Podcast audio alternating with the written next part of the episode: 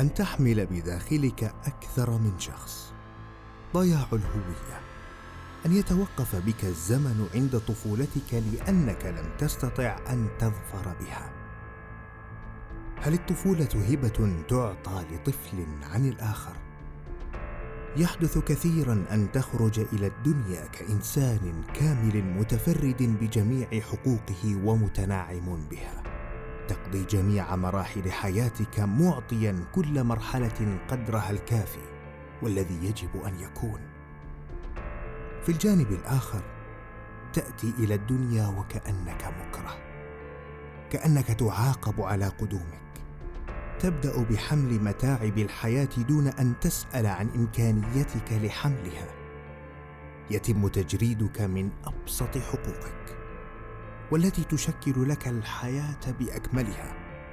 تتلون بالسواد وتبدأ بالبحث عن المسؤول لكنك لا تجد سوى ذاتك. فتستمر في جلدها دون جدوى. هذه المواد هي من ضمن ما ذكرته اتفاقية حقوق الإنسان والتي تنص على المادة الأولى. يولد جميع الناس أحرارا متساوين في الكرامة والحقوق وقد وهبوا عقلا وضميرا وعليهم أن يعامل بعضهم بعضا بروح الاخاء المادة الثانية لكل إنسان حق التمتع بكافة الحقوق والحريات الواردة في هذا الإعلان دون أي تمييز بسبب العنصر أو اللون أو الجنس أو اللغة أو الدين. أو الرأي السياسي أو أي رأي آخر. المادة الثالثة لكل فرد الحق في الحياة والحرية وسلامة شخصه. المادة الخامسة لا يعرض أي إنسان للتعذيب أو للعقوبات أو المعاملات القاسية أو الوحشية أو الحاطه بالكرامة.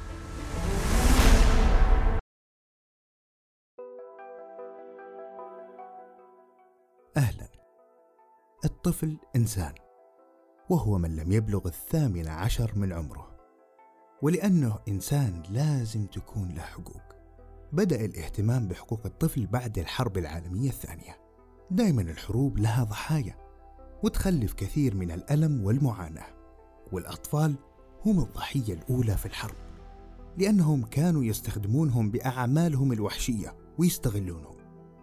ولأنهم يحتاجون للحماية وتبعا لأعمارهم قد يكونون أقل قدرة على حماية أنفسهم من انتهاك حقوقهم كأطفال. وإضافة على ذلك ممكن تنطوي حالات أو ظروف معينة على خطر أشد للأطفال من الكبار. وللأسف بعض الانتهاكات لا تقع إلا عليهم. فلذلك صدرت اتفاقية حماية حقوق الطفل اللي تمت بتاريخ 20 نوفمبر 1989 للميلاد. وغرض الاتفاقية هذه هي حماية الطفل ورعايته وتوفير الحياة الكريمة والمناسبة له ومن الحقوق اللي تكفلها هذه الاتفاقية للطفل هي الاسم، الجنسية، التعليم، الصحة، الاحتياجات الأساسية، الأسرة، الحرية والكرامة والحماية. طيب ممكن ينجب الشخص طفل ويوفر له جميع هذه الحقوق ولكن الطفل ما يمشي على نهج سوي ولا يعرف الصح من الغلط كويس. تتولد عنده اضطرابات تشتت أو ضياع شيء أشبه بفقدان الهوية النفسية. وهذا كله يترتب بناء على عدم توفير التربية السليمة للطفل. اسمحوا لي أرحب بالأخصائية النفسية المتخصصة في مجال الأطفال الأستاذة هدى البلوي وأوجه لها السؤال. هل التربية هي حق من حقوق الطفل؟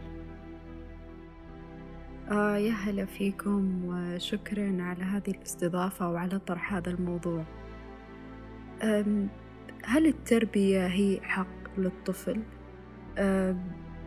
نعم أكيد التربية حق للطفل بس في يمكن نسأل نفسنا برضو إيش هي التربية أو إيش راح تشمل أه، يمكن في البداية تشمل أه، أو يتبادر إلى ذهننا أنها تتعلق فقط ب توفير الاحتياجات الأولية للطفل الاحتياجات الصحية والتعليم. لكن في دراسات وأبحاث ونظريات اهتمت بأنها تشوف جوانب أخرى أكثر يحتاجها الطفل. ف لكن ودي برضو أقول شيء لو أسرة وفرت كل احتياجات للطفل الأساسية آه، مو بالضرورة أن الطفل سيكون متشتت أنه آه، يعني إذا فقط وفرت الأكل والشرب والأمان مو بالضرورة أنه راح يكون متشتت. يمكن هذه البيئة اللي هو عايش فيها صحيح إنها ما تهتم باحتياجات أخرى بس ما قاعدة تعنفه أو ما قاعدة تأذيه. وقادر إنه هو مثلا في المدرسة يلقى توجيه. وهذه نقطة مهمة جدا إن المدرسة صارت في العصر الحالي أو يعني آه، الفترة هذه بالذات مع آه، زياد عدد الأشخاص أو الوالدين المتوظفين هم بحاجة إلى آه، مكان أو مؤسسة تعتني وتشاركهم تربية الإبن. عشان كذا المدرسة تعتبر فعلا لها دور مهم جدا في آه، تربية الطفل. ولأن الناس وكلنا لنا أنماط شخصية مختلفة فممكن طفل في نفس هذه الأسرة ينحرف وطفل ما ينحرف. حتى لو ما كان في توجيه هذا رأيي الشخصي من ملاحظاتي لسمات شخصية الأفراد. آه لكن هذا لا يعني أن الطفل ما يحتاج آه تربية. لا بالعكس أكيد هو يحتاج. وهنا في نقطة مهمة اللي هي أن الطفل يعني كيف نفهم احتياجات الطفل حسب نموه العقلي. كل مرحلة هو يحتاج أشياء معينة فيها. فلما نفهم هو إيش يحتاج حسب مرحلة نموه العقلي آه بنعرف إنه في أشياء إحنا نقدر نتدخل فيها ونقدمها للطفل. في أشياء هو من طبيعته بطبيعة نموه راح يقدر إنه هو يوفرها لنفسه.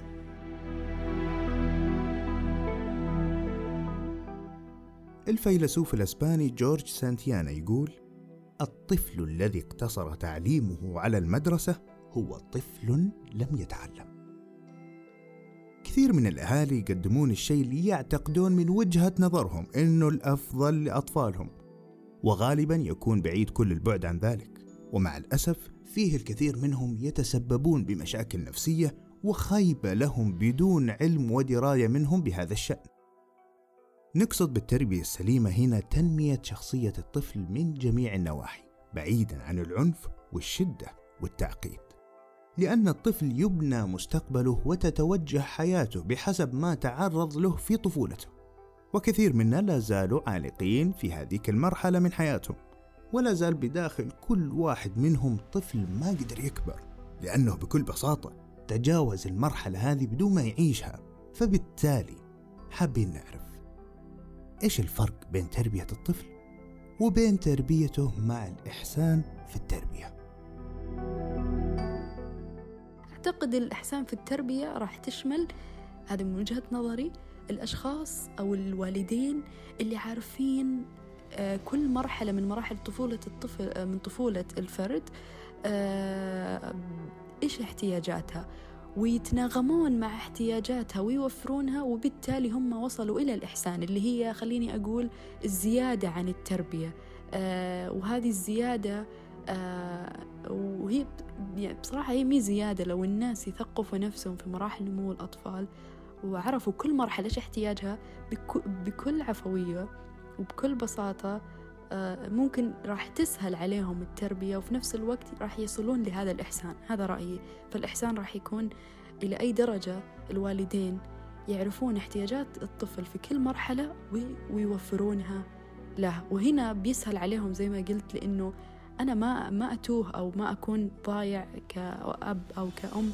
ماني عارف إيش أقدم لطفلي في هذه المرحلة وأعتقد إنه أنا لازم مثلا الحين أحرمه أو زي مثلا الأمهات اللي يعتقدون إن الرضيع إذا بكى لازم تتجاهله عشان ما يتعلق فيها بينما الدراسات أثبتت إن الرضيع وأنا أتكلم عن الرضيع اللي هو من الميلاد لين سنة ونص هذا الرضيع راح يحتاج إنه لا لما يبكي يحتاج استجابة جيدة يحتاج استجابة سريعة مناسبة.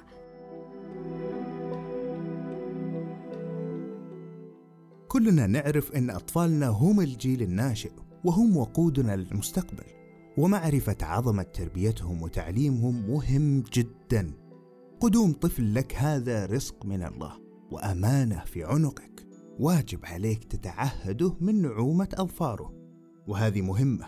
كل راع فيما استرعاه الله سبحانه وتعالى. ديننا دين عظيم دين الرحمة ويحمل أسمى معانيها. فإذا كانت التربية حق من حقوق الطفل يعني هي شيء واجب على راعيه والوجوب يترتب عليه العقاب والتأثيم في حالة عدم تنفيذه. كونك شخص عاقل واعي قررت بإرادتك المنفردة أنك تنجب طفل إلى هذه الدنيا هذا بحد ذاته حجة عليك في حال تخليك عن مسؤولية طفلك. طفل يعني إنسان وكيان كامل مستقل حياة وروح منفصلة تماما عنك. ومهما تهربت من مسؤولياتك تجاهه لابد يجي يوم وتحاسب نفسك عليها أو تحاسب من قبل غيرك.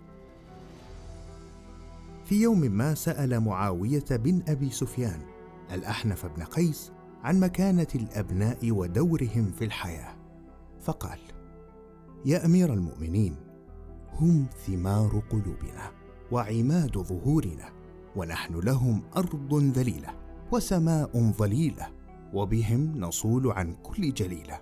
فإن طلبوا فأعطهم وإن غضبوا فأرضهم. لا تغفلوا عنهم وتتركوهم للدنيا. لا تولدوا الفساد والقسوه فيهم. رغم صغر سنهم إلا أنه يستحيل عليهم نسيان السوء اللي يتعرضون له بهالطريقة.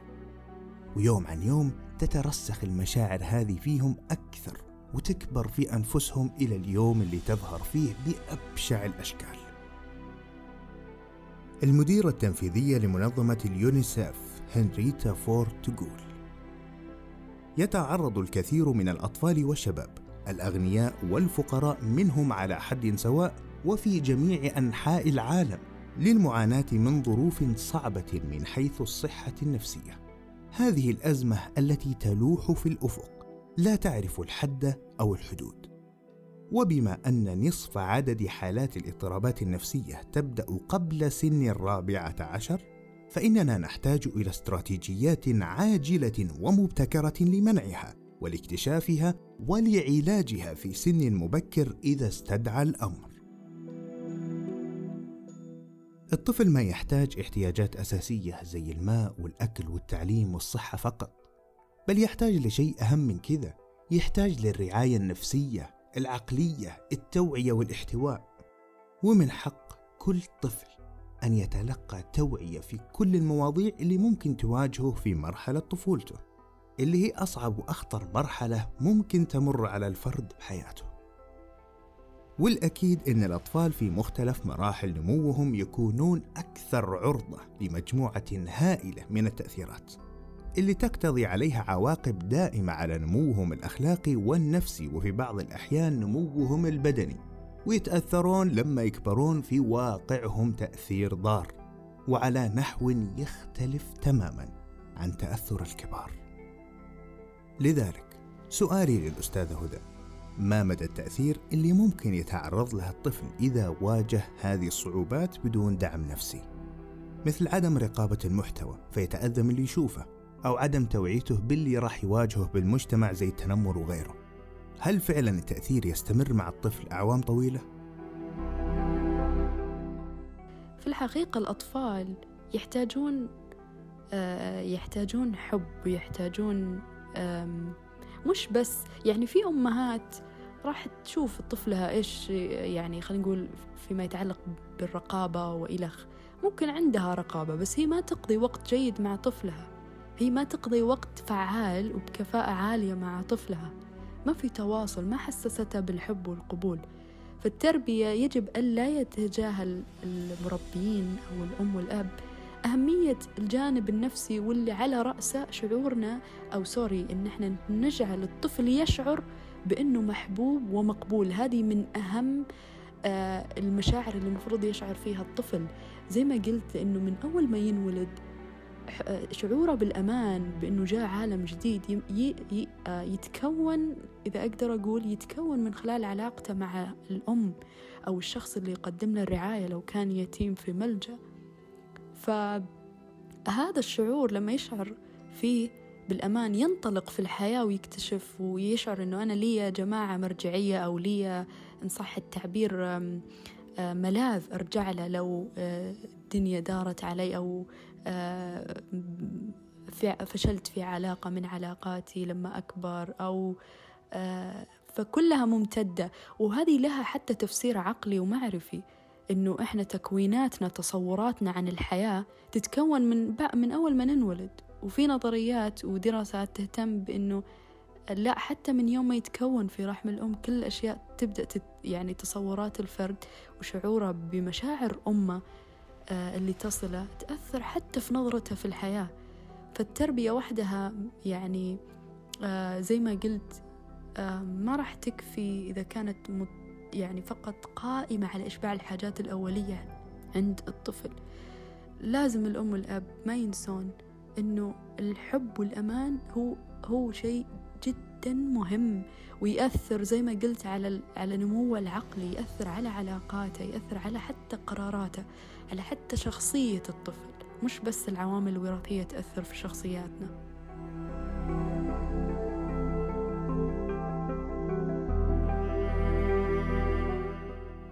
قد تكون في منتصف العمر وتحمل من أعباء الدنيا أثقلها.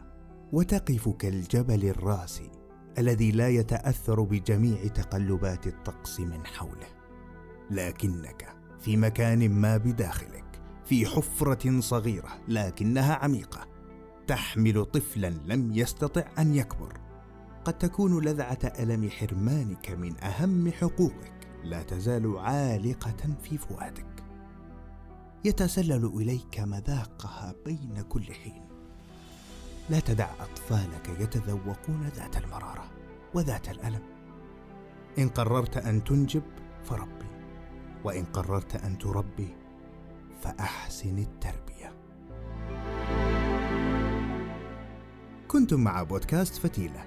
تقديم محدثكم عبد الله السعيد. إعداد بشرى عبد الله وموزون. تدقيق لغوي خزام الغفيلي. مونتاج سلطان الشملاني. إشراف منار العامر وشكر خاص لضيفتنا في هذه الحلقة الأخصائية النفسية الأستاذة هدى البلوي. فتيلة معكم وبقربكم.